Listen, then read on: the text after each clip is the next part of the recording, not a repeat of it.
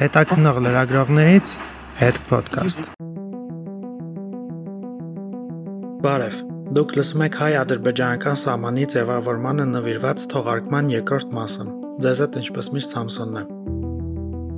Հիշեցնեմ, որ առաջին մասում պատմաբան Համոն Սուքասյանի հետ անդրադարձել ենք 1917-1920 թվականներին Զանգեզուրում տեղի ունեցած իրադարձություններին։ Սկսեցինք ցարական Ռուսաստանի վարչատարածքային բաժանումից եւ ավարտեցինք Զանգեզուրի գավառի խորհրդայնացմամբ։ Եթե չեք լսել այն, ապա խորհուրդ եմ տալիս երկրորդ մասը լսել առաջինից հետո։ Այս թողարկմանը կպատմենք, թե ինչպես նոր ձևավորված Հայաստանի եւ Ադրբեջանի խորհրդային իշխանությունները լուծեցին սահմանային վեճերը եւ իրականացրեցին հայ-ադրբեջանական սահմանի սահմանազատումը։ Ամբողջ Զանգեզուրում խորթային իշխանության հաստատումից հետո տեղական գործիչների արչև կարևոր խնդիր էր դրված՝ ողջել այն սահմանագիծը, որով պիտի բաժանվեին խորթային Հայաստան եւ խորթային Ադրբեջանը։ Եվ հետաքրիր մի հանգամանք, որ այդ իրավասությունը տրվեց ոչ թե միջպետական հանձնաժողովին, Խորթային Հայաստանի եւ Խորթային Ադրբեջանի կառավարությունների կողմից ձևավորված,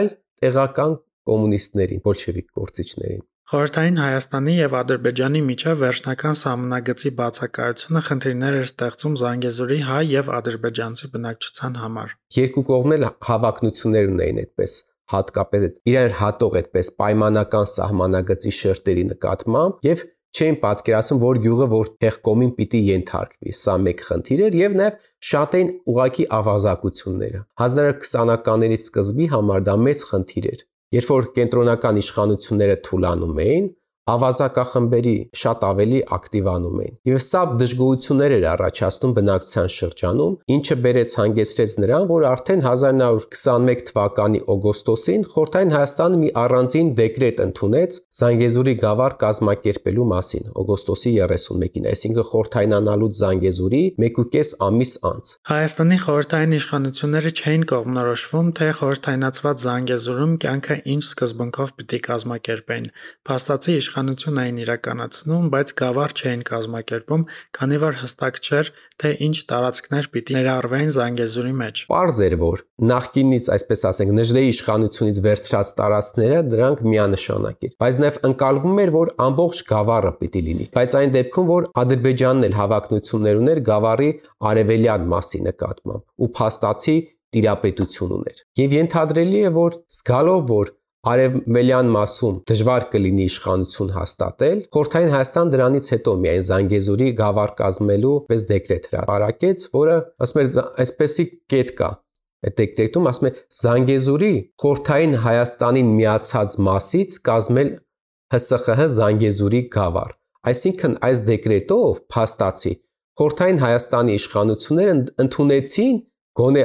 բացեի, բայց որ Զանգեզուրի կա երկու մաս՝ մեկ խորթային Հայաստանին միացած մաս, մեկ է խորթային Հայաստանին չմիացած մաս, փաստացի կոնե։ Այն այսինքն խորթային Ադրբեջանի գերիշխանության ներքո գտնվող տարածքներ։ Այնուհետև 1921-ի հոկտեմբերի 12-ին եւ 13-ին Գորիսում հավաքվեցին Զանգեզուրի հայ եւ ադրբեջանցի տեղական բոլշևիկ գործիչները։ 43 անց։ Եվ երկորյա ժողովների ընթացքում որոշեցին, թե ինչպես պիտի բաժանվի Զանգեզուրի գավառը երկու հանրապետությունների միջև։ Խնդիրը նա էր, որ արտաքին գործերի նախարարների մակարդակով կամ ժողկոմների մակարդակով, երբ որ քննարկումներ էին տեղի ունենում, կողմերը շատ ավելի դժվար էին հանգում վերջնական եզրակացությունների։ Իսկ այս դեպքում հավանաբար Մոսկվայից եկած ցուցումով խնդիր էր դրել, որ հարցը լուծեն ոչ թե պետական պաշտոնյաները կամ միջպետական հանձնաժողովը, այլ բոլշևիկ գործիչները, որոնցից շատերը հայեր եւ մուսուլմաններ իրար ընկերներ էին, համատեղ պայքարի ուղի էին անցել,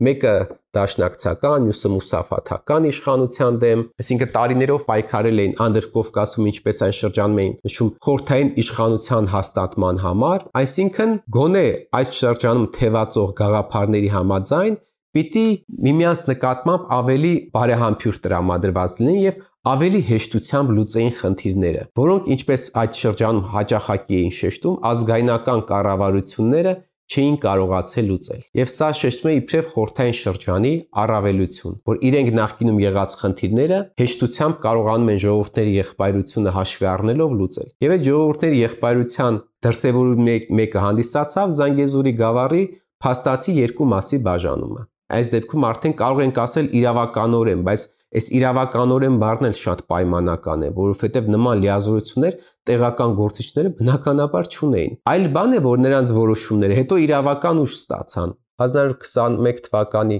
հոկտեմբերի 12-13-ի պես հայ եւ մուսուլման բոլշևիկների ժողովում գծվեց Զանգեզուրում Հայաստանի եւ Ադրբեջանի սահմանագիծը։ Ենթադրելի է, որ նաեւ քարտեզ է եղել, որի վրա իրենք աշխատել են, բայց այդ քարտեզը գոնե ինձ հայտնի չէ։ Բայց վերջնական փաստաթղթում կետ-կետ նշված է թե սահմանը որ լեռան, որ գետով, որ գետակով է անցնելու։ Ամբողջությամբ չէ, բայց շատ մոտիկ է այսօրվա իրավիճակին։ Մանավանդ որ նույն վիճելի հատվածները այն ժամանակ էլ մնացին։ Բայց այդ որոշված սահմանագիծը շատ պայմանական էր եւ խնդիր կար տեղերում աշխատանքներ իրականացնել։ Դա արդեն եղավ արդեն 20-ականների երկրորդ կեսին։ 1922 թվականի մարտի 12-ին ստեղծվեց Անդրկովկասյան Դաշնությունը, եւ Խորհրդային Հայաստանը, Խորհրդային Վրաստանը եւ Խորհրդային Ադրբեջանը միավորվեցին մեկ պետության մեջ։ Անդրկովկասյան Դաշնության բարձրագույն իշխանության մարմինը, Կենտրոնական գործադիր կոմիտեն, իրավասություն ուներ որոշել իր կազմում գտնվող հանրապետությունների սահմանները։ Եվ Կենտրոնական գործադիր կոմիտեն առանձին հանձնաժողով ստեղծեց այդ սահմանային խնդիրները կարգավորելու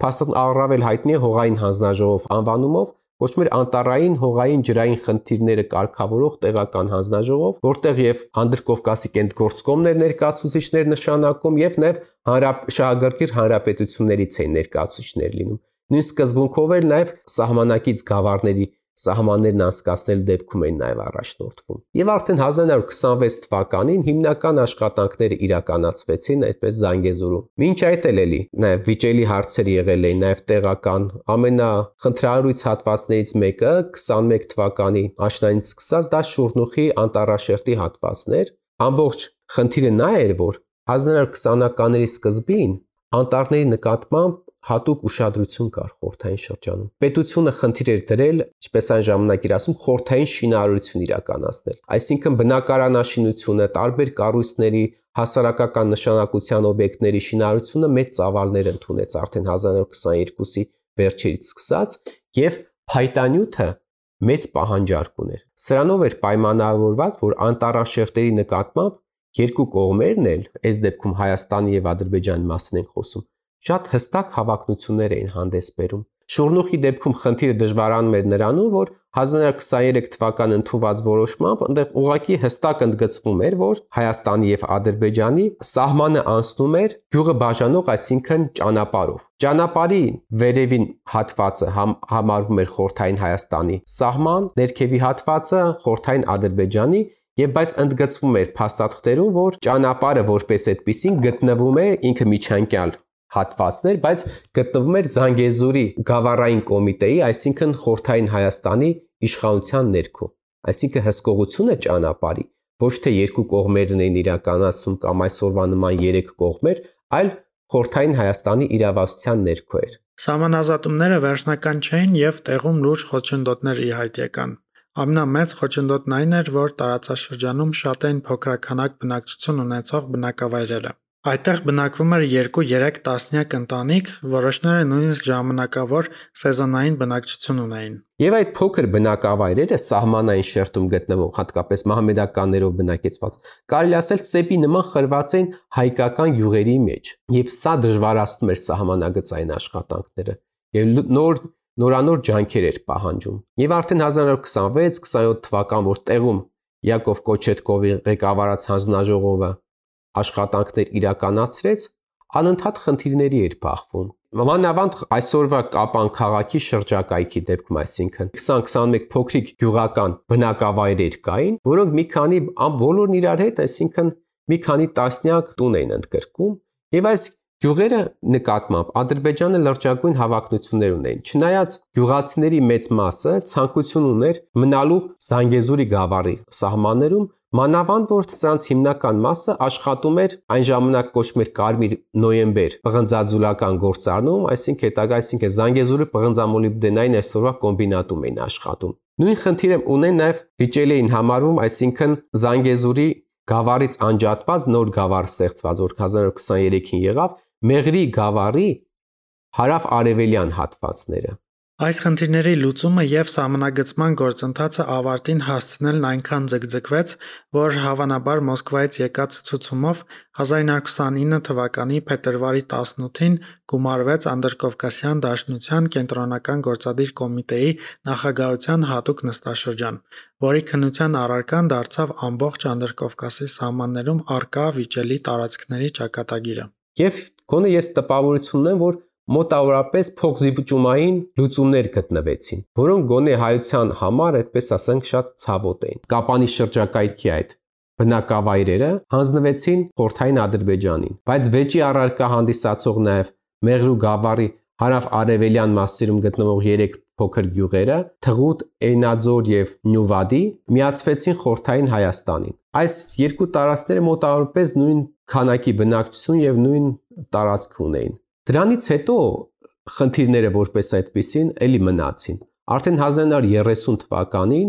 սկսվեց լրջորեն սահմանագծային աշխատանքներ իրականացնել, այսինքն սահմանային նշաններ էին տեղադրում եւ այդպես բաժանում էին տարածքները։ Եվ 1935-36 թվականներին վերջի աշխատանքներն իրականացվեցին Անդրկովկասյան դաշնության շրջանում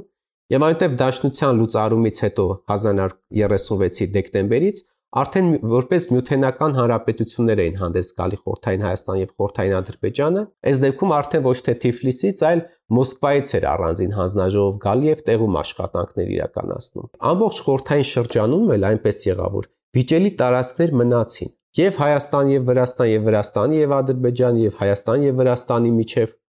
Եվ դա արդեն 90-ականների սկզբին կարող ենք ասել, որ հայ-ադրբեջանական այդ վիճելի շերտը, գոնե Զանգեզուրի հատվածում ոչ նկատելի դարձավ, մանավանդ երբ որ 1992-ից հետո այդ տարածքները ազատագրվեցին, այսինքն հայկական զորամասերն էին կանգնած եւ որպես այդպեսին բնակչությունը չէր բախվում խնդիրների, որ իրենց նախորդ սերունդներն էին բախվել։ Եվ անցյալ տարի տեղ ունեցած պատերազմից հետո, երբ որ ադրբեջանական զորամասերը եկան եւ կանգնեցին ինչպես իրենք էին հայտարարում խորթային Ադրբեջանի սահմաններում եղած խնդիրները որ նախորդ տասնամյակների արդյունք էր նորից միանգամից դուրս եկավ եւ հիմա արդեն այն խնդիրը կա որ սա բերում հանգեցնում նա որ վերջնական արդեն անկախ հանրապետությունների միջև սահմանագծային աշխատանքներ իրականացնելու կարիք կա որովհետեւ այս վիճակը ոչ կանխատեսելի հարաբերությունների հիմք է դալիս Խորհրդային շրջանում տարածված սահմանագծման աշխատանքների արդյունքում կան մի քանի քարտեզներ։ Եվ 30-ականների կան աշխատանքներն իրական եւ այդ քարտեզներն են պահպանում, այնտեղ 1945-ին եւ 1960-ականների քարտեզներ կան։ Ըստ ընդունվածության ավարտ պիտի վերցնեն վերջի տարբերակները, բայց նաեւ մյուսներն էլ համեմատելով պիտի երկու պետությունների ներկայացուցիչներից կամ ենթադրելի է այս դեպքում երրակողմ հանձնաժողով կսկսի աշխատել որը կունենա եւ պաշտոնյաներ եւ նաեւ հավանաբար փորձագետներ եւ այլն, որ կսկսեն նայել եղած իրավապայմանագրային, այսինքն այդ բազան, ինչ փաստաթղթեր գոյություն ունեն, ինչ քարտեզներ եւ այլն, բայց ես կարծում եմ, որ նաեւ միայն հիմք ընդունել խորթային իրավիճակը այնքան էլ ճիշտ չէ, նաեւ պիտի նաեւ հաշվի առնել եղած փաստացի գոյություն ունեցող վիճակ, այսինքն ադրբեջանական սահմանակցի հաստատման դեպքում, մանավանդ որ կան հատվածներ, որ խորթային տարիներին վերջնական դրանց նկատմամբ վերաբերյալ որոշումներ չեն կայացվել։ Սա էլ մյուս խնդիրն է։ Այդ սահմանագծային աշխատանքները, այսինքն ինչպես տեսանք խորթային տարիներին, երբ որ դա մեկ պետություն էր, տարիներ տևեց։ Ճիշտ է, այսօր կան նաև այսօրվա, այսպես ասենք, տեխնիկական հնարավորությունները եւ այլն, բայց խնդիրները էլի շատ են։ Պատմության ընթացքում կարող ենք տեսնել, որ սահմանագծման եւ սահմանազատման աշխատանքներ հիմնականում իրականացվում են, երբ կողմերի միջև կան բարիդրացիական հարաբերություններ, կա հիմնական խնդիրների շուրջ փոխհմբռնում եւ համագործակցելու պատրաստակամություն, ընդհանուր խաղի կանոններ։ Նման օրինակ մենք տեսել ենք 1918 թվականի Բաթումի պայմանագրից անմիջապես հետո, օրինակ 1 ամիս հետո, հուլիսին արդեն Օսմանյան կառավարությունը պարտադրեց եւ այնտեղ ունակ հայ-թուրքական սահմանագծում իրենք իրականացրեցին։ Ալեքսանդրապոլու մի առանձին հանձնաժողով աշխատեց, որ թուրքական կողմից ղեկավարում էր Քազիմ Կարաբեկիր բեյը, հայկական կողմից գեներալ Ալեքսանդր Տեր-Հակոբյանը Եվ այդ ուղակի այդ իրականացրած այդ սահմանագծում քանի որ առաջի համաշխարհային պատերազմը ավարտվեց, այդ բոլոր փաստաթղթերը զրոյացան։ Այսինքն նման բացասական փորձ եղել է։ Ալիևի հայտարարություններն այն մասին, որ Ադրբեջանը հավակնություններ ունի այսօրվա Սյունիքի հանդեպ, պետք է դիտարկել որպես քաղաքական հայտարարություններ։ Պատմական փաստերը հստակ ցույց են տալիս, որ Զանգեզուրի առնվազն արևմտյան մասը խորհրդայնացմանը նախորդող եւ հետագա ընթացքում եղել է հայկական, մտել է հայկական ԽՍՀ-ի, այնուհետև անկախ Հայաստանի կազմ։ Շնորհակալություն հետ podcast-ը լսելու համար։ Բաժանորդագրվեք մեզ Apple Podcast, Google Podcast եւ այլ հավելվածներում։ Միացեք մեր Facebook-յան խմբին լատինատար կամ հայատար որոնելով հետ podcast։ Մինչ նոր թողարկում։